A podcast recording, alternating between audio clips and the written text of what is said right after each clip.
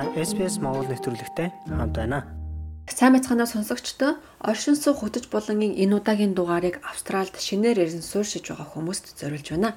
Өөр улсад урт хугацаагаар амьдрахаар нөхөд сэтгэл зүйн олон сорилттой тулгардаг. Гадаад улсын орчин, шинэ соёлд дасах гэж хичээж байхдаа хувь хүний онцлог байдлаа алдаж хуваагдсан, орхигдсон мэдрэмжтэй болдог. Тэгэхээр цагаачид дахин бүхэл бүтэн гэдгээ мэдрэхийн тулд юу хийж чадах вэ?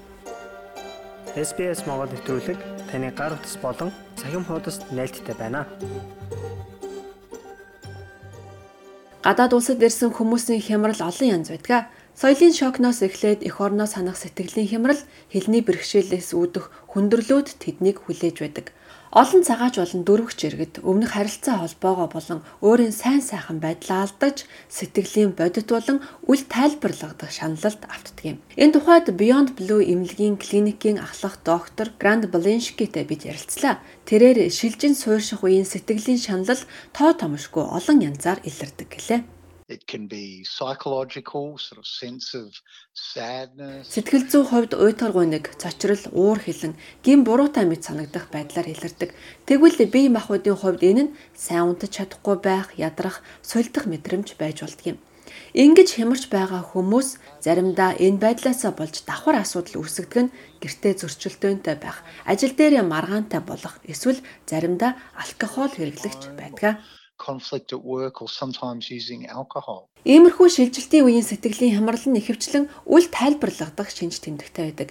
Яг юунаас болж шаналж байгаа нь тодорхойгүй бөгөөд тодорхойлох боломжгүй байх нь ч бий. Энэ байдал сэтгэл хөдлөлөө илэрхийлэхэд улам хэцүү болгодог. When someone grieves and they've had some sort of loss, most commonly the loss Бид хин нэгний гашуудж хямарч байгааг нь ойлгодог. Тэд юу алдсан, яагаад хямралтай байгаа нь тодорхой байдаг хайртай хүнээ эсвэл гэрийн тэжээвэр амьтдаа алдсан? Эсвэл ажилгүй болсон? Байшингаа алдсан? Энэ нь маш тодорхой байгаагаас та гонигтай бухимдалтай байж болно.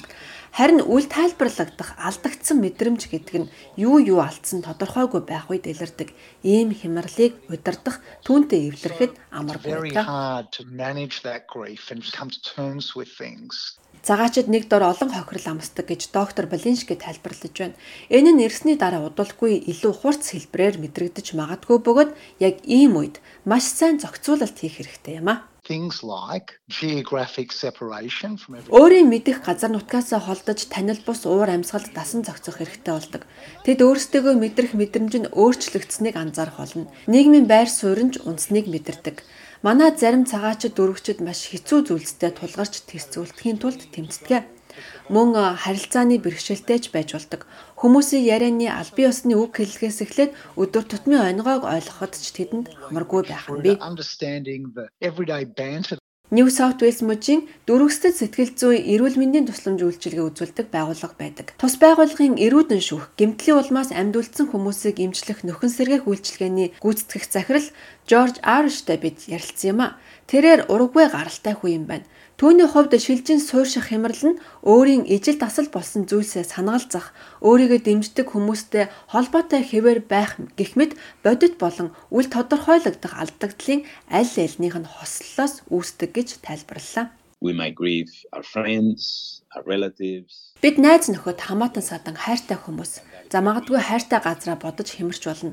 Энэ бол бидний үлдээсэн бодит зүйлсийн харуулсал бөгөөд бид ахаад авах боломжгүй болсон байдаг. Гэхдээ шилжин суурьших хямрал нь таны хүлээн зөвшөөрөгдсөн зүйлтэй бас холбоотой байдаг. Жишээ нь таны өмнө хийдэг байсан ажил, байр суурь, таны чанар, статус гэх мэт. Мөн үүнээс гадна албан бус байдлаар үүсгэсэн таны нийгмийн харилцаач бас үүнд орно. Түүнчлэн хэрвээ та гадаад улс руу яваагүй нутагтаа үлдсэн бол юу байж болох байсан гэсэн төсөөлөлч мөн энэ хямралтай холбоотой байдаг гэж доктор тайлбарллаа Хэрвээ та нутагтаа үлдсэн бол юунд хүрч юу хийж чадах байсан тухай хуурмаг төсөөлөл, уран зөгнөлийн тухай хямралууд бас байдаг.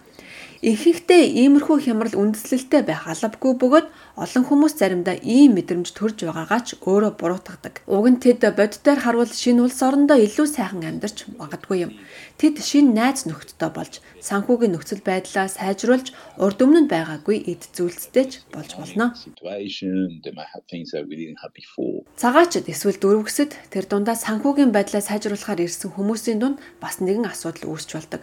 Тэд өөрийнхөө энэ шаналлыг ил гаргадаггүй. Энэ нь зорилгодоо хүрсэн үедээ гунигтай байх. Эсвэл бусад хүн өөрийг нь буруутгахаас имэж өөрөө энэ бүхэн гимтэй мэд санагцсандаа мэдрэмжээ ил гаргахаас татгалзаж дотроо нуудгаа they may feel guilty about complaining about the the things that they Тэд их орондоо байгаа хамаатан садан ойр дотны хүмүүс нь за магадгүй илүү муу хөвчлэн аюултай нөхцөл байдалтай тулгарсан хүмүүсийн өмнө өөрсдөө буруутай мэд санаж байж магадгүй юм. Энэ нь түүнийг хэлж ярихгүй байх, хүлээн зөвшөөрөхгүй байх нь асуудлыг логикоор бодож нөхцөл байдлыг шийдвэрлэхэд илүү хүнд болгодог. Энэ бүхэн эргээ танд нөлөөлж эхлэх болно. Үүнийг даван тулахын тулд эхлээд хүлээн зөвшөөрөх нь чухал юм it is important to acknowledge it so that we can work through it. Энэтхэг төрсөн RU OK хөтөлбөрийн дарга Камал Шарман манлайлал төсвөр төвчээрийн сургалтыг санал болгодог. Resilium зөвлөх фермийн гүйцэтгэх захирал юм. Тэрээр Австралид анх эрэхтэй өөрийгөө ойлгоход хэцүү байсан гэж бидэнтэй ярилцсан. Цаг хугацаа өнгөрөхөд тэрээр өөрийн дүр төрх өөрчлөгдсөний хүлээн зөвшөөрснөөр шилжилтийн мэдрэмжийг хэрхэн даван туулах талаар суралцжээ. Ноён Шарма өөртөөгөө ижил соёлтой хүмүүстэй уулзах нь шин цагаачтад тайдгарал өгч чадна гэдгийг хүлээн зөвшөөрч байна. Үүнтэй ижил шин танил альва шин туршлагад нээлттэй байх нь ч мөн чухал юм гэлээ. I think there are positive coping mechanisms and there are negative coping mechanisms. Үүнийг даван туулах эерэг болон сүрэг механизмууд байдаг. Эргээр даван туулах механизм нь энэ шин орчинд өөрийгөө судлах юм. Танд тохирохгүй зүйлсийг орхиж, таныг хөгжөхөд туслах шин санаа, шин үзэл баримтлалыг өөртөө ав Сөрөг тал нь өөрийн орхиж явсан тэр үеийнхэн ямар ч бэрхшээл тулгардаггүй бүх зүйлстэй зууралдаж эргэж барьж авахыг хичээдэг. Тэгэхээр өөрийгөө шин санаануудаар сорж би хинбэ, ямар хүн бэ гэдгээ олж мэдэх, өөр соёл иргэншилд өөрийгөө таниулах нь үнэхээр чухал юм а. What you are and really exploring your identity in a different culture. Зарим цагаачид байнгын тодорхой бус байдал, холимог мэдрэмжтэй байдаг нь амьдралын чухал шийдвэр гаргахад нь магадгүй ирээдүйн тогтвортой байдалд нь саад учруулж болзошгүй юм гэж сэтгэл зүйн эрүүл мэндийн мэрэгжилтнүүд үздэг. Тэд дэмжлэг авч чадахгүй байгаа нь хөвчлэн ганцаардал, төгшүүр, чочимтгой байдлын мэдрэмжийг нь нэмэгдүүлдэг байна. Камал Шарма шашны лам хүний хувьд өөрийн амьдарч буй нутгийн соёлдоо оролцож нэгдэх арга замыг олох нь эдгээр асуудлыг даван туулах арга зам байж болох юм гэлээ. Түүний хувьд багийн спортер хичээлэх замаар энэ зорилгодоо хүрсэн байна. Гэхдээ альва үйл ажиллагаа клубтэлсэх, дасгал хийх, бясалгал хийх гэх мэт практик алхмуудыг хийхээс өөр хид хідэн гүн ухааны аргуудыг хэрэгжүүлж болох юм гэж тэрээр ярьлаа.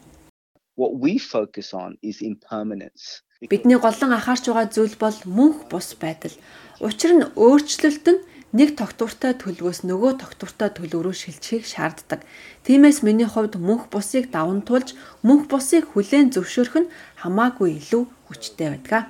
Flowing through impermanence and accepting impermanence is much more powerful.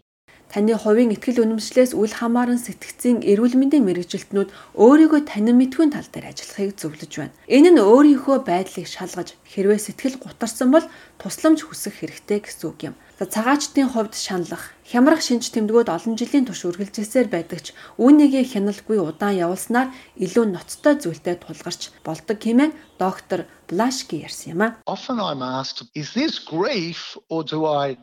Ихэнхдээ хүмүүс надаас би хямарсан байна уу эсвэл сэтгцийн эрүүл мэндийн асуудал байна уу гэж асуудаг. Би сэтгэлээр унсан байж магадгүй. Ямар үед анхаарлын улаан тэмдэг асах вэ гэвэл ийм шинж тэмдэг нь сар сараар үргэлжилсэн. Итгэл найдвараа алдсан мэт мэдрэмжтэй байгаа бол энэ нь өргөн хэмжээтэй. Энэ бүхнээс болж хонглын үзүрт гэрэл байхгүй санагдаж байгаа бол анхаарах цаг нь болжээ гэсэн үг.